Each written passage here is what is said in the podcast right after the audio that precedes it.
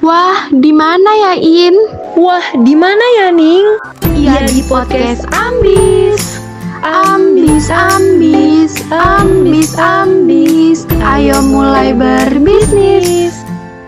Bersama Hening dan Iin, your business partner.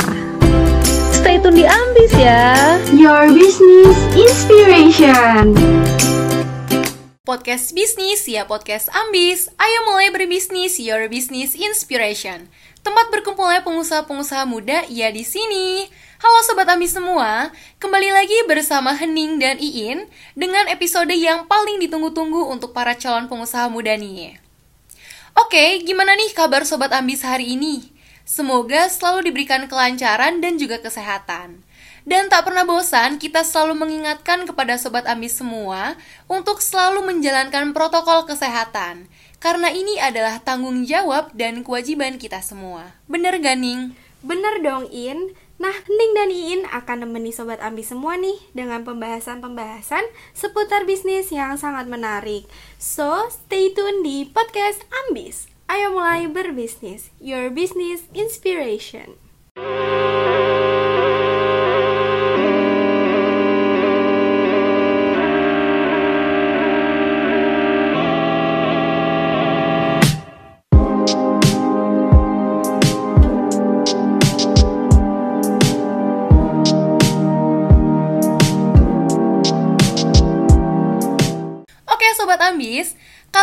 Kita akan membahas seputar bisnis online yang wajib banget nih kalian ketahui.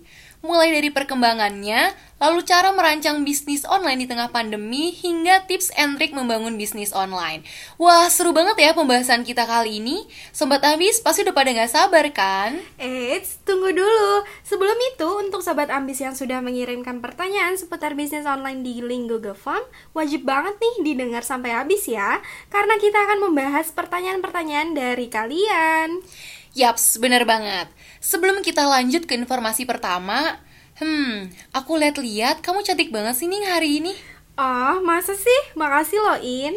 Ih, kepedean deh. Maksud aku tuh hijabnya yang cantik. Beli di mana sih nih hijabnya? Ya, kirain. Oh iya, aku lagi pakai hijab dari Avinka Shop. Nih, In, untuk lebih jelasnya, dengerin deh.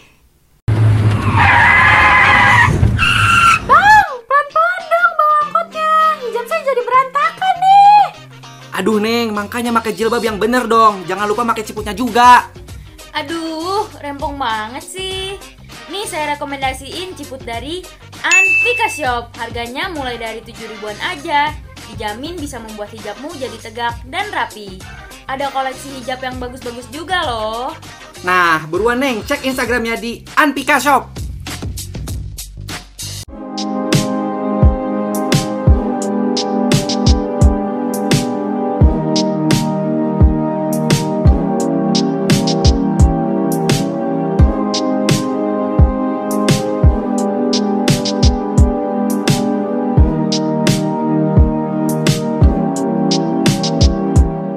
Podcast Ambis, Your Business Inspiration.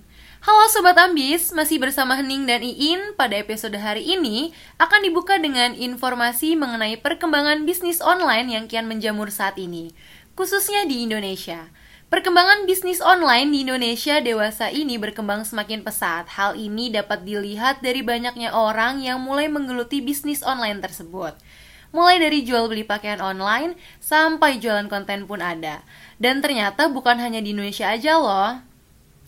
Perkembangan bisnis online juga berevolusi hingga hampir ke seluruh dunia.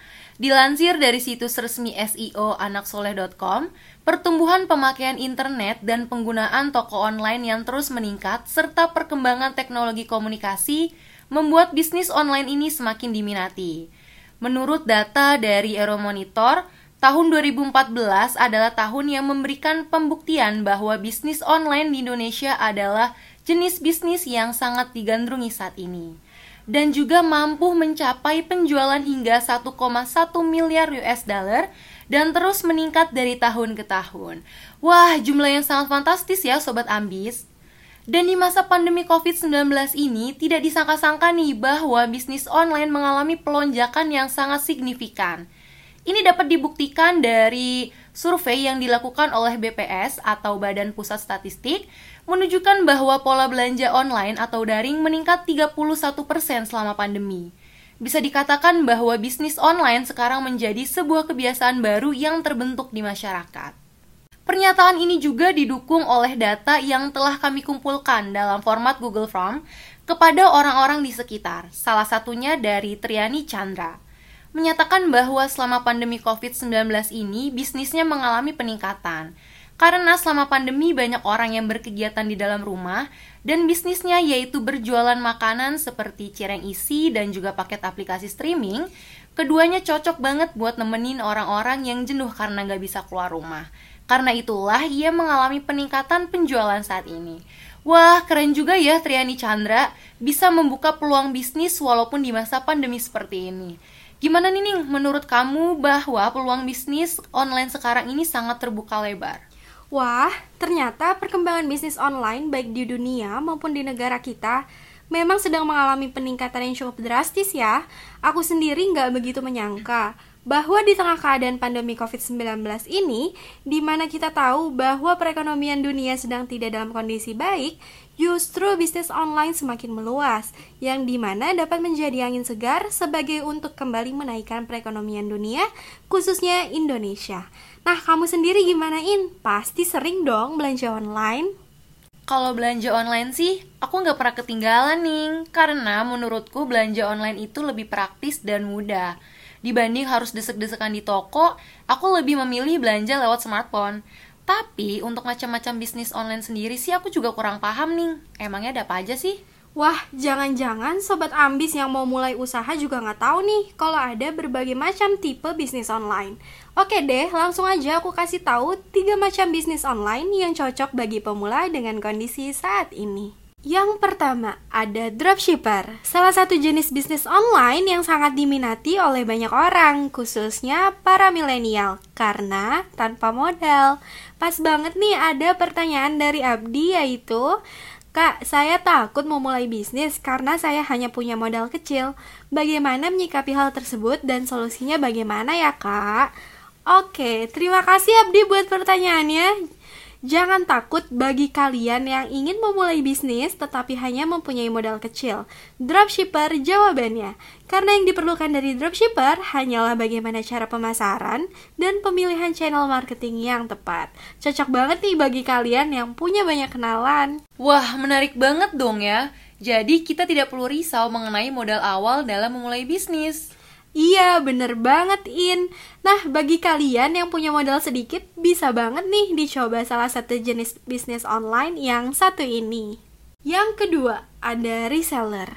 Jenis bisnis online ini hampir sama dengan dropshipper, hanya saja reseller atau penjualnya memiliki wujud dari produk yang akan dijual, sehingga kualitas produk terjamin dan dapat terus dipantau kualitasnya. Reseller juga banyak digandrungi oleh generasi milenial nih, karena banyak dari reseller yang menjual barang-barang seperti pakaian, sepatu, kosmetik, dan lain-lain. Ketiga, ada online shop. Udah nggak asing lagi dong sama yang satu ini. Bisa dikatakan bahwa online shop ini ialah tempat di mana orang-orang menjual produknya. Online shop bisa ditemukan di berbagai media sosial dan dengan akses yang mudah. Karena itu tidak heran bahwa berbelanja di online shop masih sangat digemari hingga saat ini. Wah, ternyata banyak juga ya jenis bisnis online dan ternyata semuanya punya ciri dan karakteristiknya masing-masing. Menarik banget ya Sobat Ambis. Semoga informasi tadi dapat menjadi pengetahuan bagi Sobat Ambis semua dan bisa memacu Sobat Ambis untuk ikut terjun dalam dunia bisnis online yang sangat menguntungkan ini. Oke, jangan ke mana-mana ya Sobat Ambis, karena setelah ini bakalan ada tips and trick memulai bisnis online yang tidak kalah menarik nih. Penasaran kan? So stay tune terus di podcast Ambis, Your Business Inspiration. Ini orang pajak datang ke rumah. Bentar ya, kamu ke sana dulu. Duh, iya nih mah, papa dari kemarin lupa terus. Sebentar, papa lagi pusing di kantor. Mama urusin dulu deh. Aduh bos, hari gini kok masih mangkir bayar pajak? Nih supaya bos nggak lupa bayar pajak, pakai e-billing. Aplikasi yang bisa kasih bos SPT atau surat pemberitahuan. Jadi bos nggak telat lagi deh bayar pajaknya. Iklan layanan masyarakat ini dipersembahkan oleh Sekolah Vokasi IPB dalam mendukung program Warga Taat Bayar Pajak Direktorat Jenderal Pajak.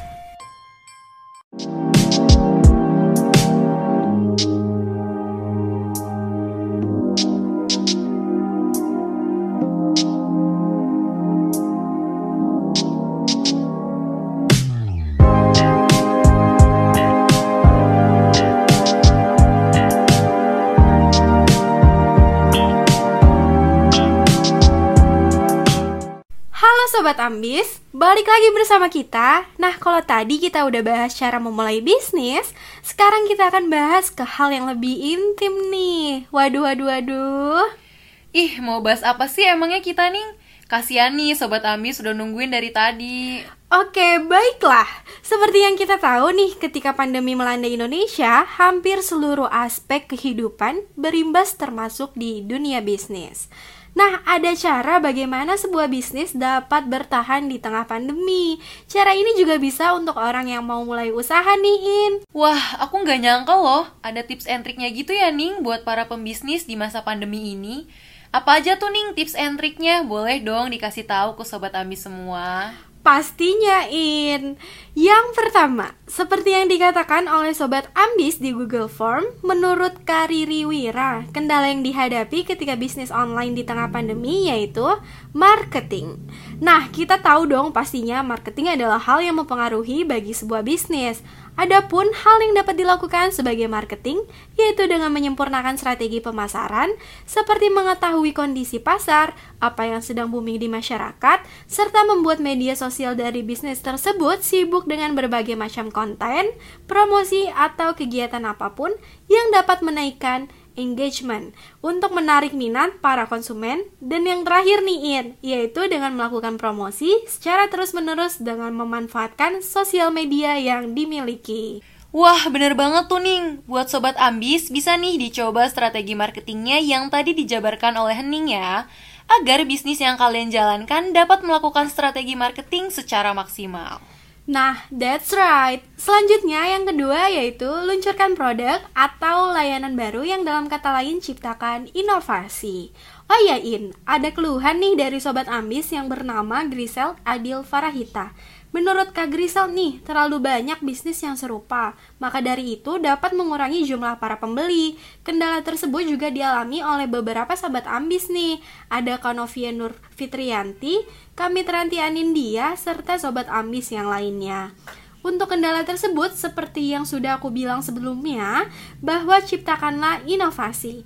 Meskipun persaingan dalam bisnis tersebut cukup ketat, tetapi ketika sobat ambis menciptakan sebuah inovasi baru, maka peluang sobat ambis untuk mendapatkan konsumen lebih banyak sangatlah besar. Aku setuju banget nih Ning sama yang kedua. Karena kalau kita mau bertahan di tengah banyaknya kompetitor, pastinya harus menciptakan inovasi yang belum pernah ada sebelumnya. Kayak misalnya membuat cilok berbentuk kotak atau membuat cilok manis gitu nggak sih Ning? Emang enak in cilok manis? Aku sendiri juga belum tahu sih, tapi kayaknya enak deh. Boleh dicoba sendiri dulu kali ya In. Oke, next ke tips yang ketiga, seperti yang dilansir oleh liputan6.com, Sobat Ambis harus menghitung modal usaha.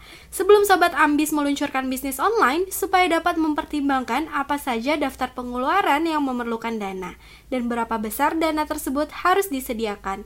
Setiap pembisnis memiliki daftar keperluan yang berbeda-beda. Karena itu, sobat ambis harus mencatat secara detail apa saja yang memang diperlukan oleh bisnis kalian.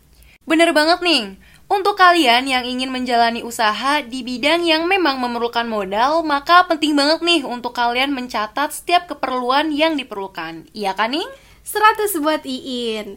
Selanjutnya, yang keempat ada catatlah pengeluaran seperti yang dilansir dalam tirta.id. Setiap menjalani bisnis harus banget nih Sobat Ambis untuk mencatat setiap kali ada pengeluaran. Gak hanya pengeluaran aja, tetapi pemasukan pun harus dicatat pula ya. Supaya kita dapat menghitung keuntungan dari bisnis kita. Wah, betul banget nih, Ning. Pastikan kita mau berbisnis supaya dapat untung. Kalau kita nggak pernah mencatat keuntungan bisnis kita, wah pasti ke depannya bakalan jadi kacau sih bisnisnya.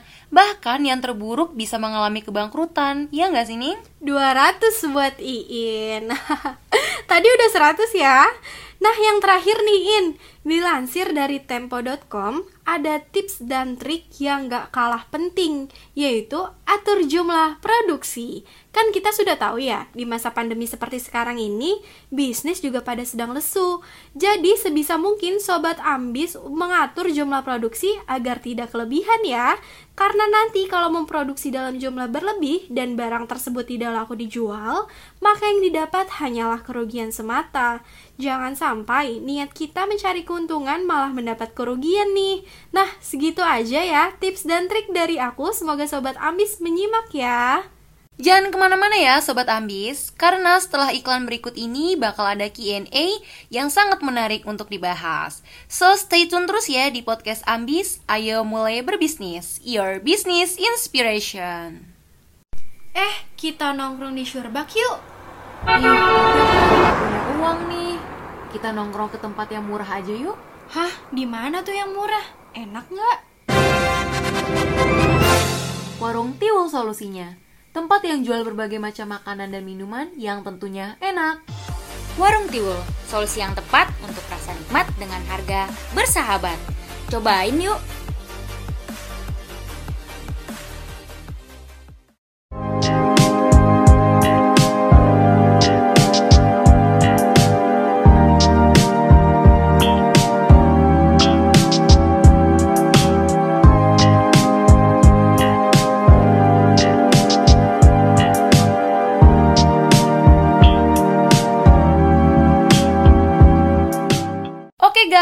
Balik lagi dengan Hening dan Iin. Semoga kalian masih antusias dengerin kita ya.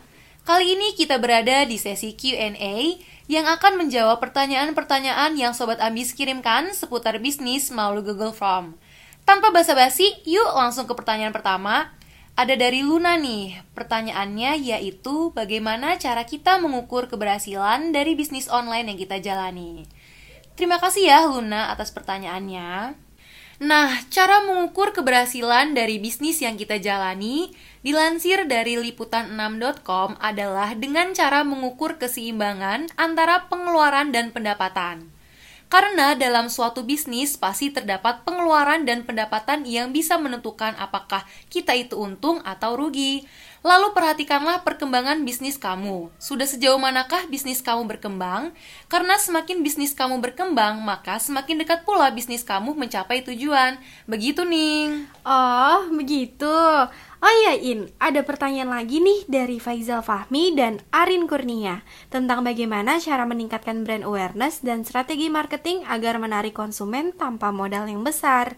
Nah, pertanyaan yang bagus nih Sobat Ambis. Caranya yaitu yang dilansir dari jurnal Entrepreneur, membuat iklan sekreatif mungkin agar terlihat menarik, mengikuti event pameran atau bazar, memberikan nilai tambah selain menjual produk seperti menambah nilai edukasi dan meningkatkan citra dari produk itu sendiri.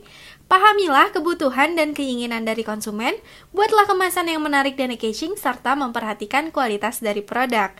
Itu dia cara meningkatkan brand awareness dan strategi marketing yang baik. Nah, In, ada pertanyaan yang terakhir nih datang dari Andika Tunia. Pertanyaannya yaitu, apakah dengan berbisnis harus memilih di antara optimis atau realistis? Atau keduanya ya? Menurut kamu gimana nih, In? Menurut aku ya, Ning, keduanya itu harus berkaitan satu sama lain deh. Kita nggak bisa optimis tanpa pemikiran realistis. Artinya nih, misal kita memiliki pemikiran positif akan hal yang kita inginkan. Nah, ini juga harus kita imbangi dengan logis dan bijaksana. Ini juga akan mempengaruhi tingkat kesuksesan loh. Karena dengan jiwa optimis realistis adalah kita yang bekerja keras dalam melakukan sesuatu dan bekerja semaksimal mungkin. Jadi, buat sobat ambis semua, buat kalian yang ingin memulai bisnis, jangan pernah ragu dan jangan takut gagal. Karena kedua hal ini adalah hal yang biasa ya dalam memulai sesuatu, apalagi ketika kita memulai bisnis. Balik lagi ke diri masing-masing. Apakah kita berani atau tidak dalam mengambil kesempatan itu? Pastinya dengan segala kemungkinan yang terjadi. Kalau menurut aku sih ya lakukan selagi bisa, mulai aja dulu. Urusan untung rugi itu belakangan. Karena kalau kita tidak pernah memulai, maka kita tidak akan pernah tahu bagaimana akhirnya. Dan satu lagi yang harus kalian tanami dalam hati dan pikiran, yaitu ambil jatah gagal kalian sekarang, supaya ketika tua nanti kamu hanya mendapatkan kesuksesan. Karena semua jatah gagal kamu sudah kamu habiskan ketika di masa muda. Wah, super sekali ya Sobat Ambis. Keren ya kamu ternyata. Aku tercengang loh. Kamu udah kenal aku berapa lama sih? Aku tuh emang keren tahu. Iya deh, iya. Kamu emang keren kok. Eh, eh, sebentar deh, In. Ada apa sih, Ning? Ada yang mau lewat nih. Wah, apaan tuh? Informasi bermanfaat dong pastinya. Kita tunggu aja yuk. So, stay tune terus ya di podcast Ambis. Ayo mulai berbisnis. Your business inspiration. Mah, aku pulang. Huh, capek banget. Eh, eh, eh. Kamu lepas dulu itu maskernya. Bersih-bersih dulu. Kamu kan habis dari luar. Kalau kamu bawa virus gimana? Sana cepetan. Jangan lupa untuk selalu membersihkan diri dengan mencuci tangan, mandi, dan mencuci baju yang telah dipakai saat beraktivitas dari luar. Iklan layanan masyarakat ini dipersembahkan oleh Sekolah Vokasi IPB dalam mendukung program 5M gugus tugas COVID-19.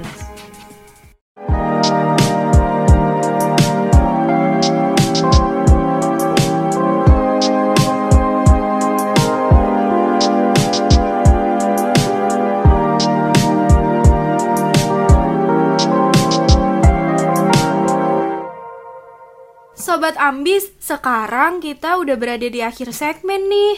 Ya, sedih ya. Nggak terasa banget pembicaraan kita pada episode podcast kali ini akan berakhir. Kita mengucapin terima kasih banyak untuk semua Sobat Ambis di mana pun kalian berada yang sudah menyempatkan waktunya untuk mendengarkan podcast bisnis yang keren ini. Apalagi kalau bukan di podcast Ambis. Semoga informasi yang diberikan oleh kita tadi dapat bermanfaat untuk sobat ambis semua. Semoga bisa menerapkan tips and triknya ya. Oke, baiklah. Saya Iin beserta rekan saya Hening pamit undur diri dari episode kali ini. Sampai bertemu di episode berikutnya. Salam sukses pengusaha muda. Bye bye. Sayonara. Sayonara, sayonara, sampai berjumpa lagi. Sayonara, sayonara, salam sukses pengusaha muda. Tunggu episode selanjutnya ya, eksklusif di Spotify.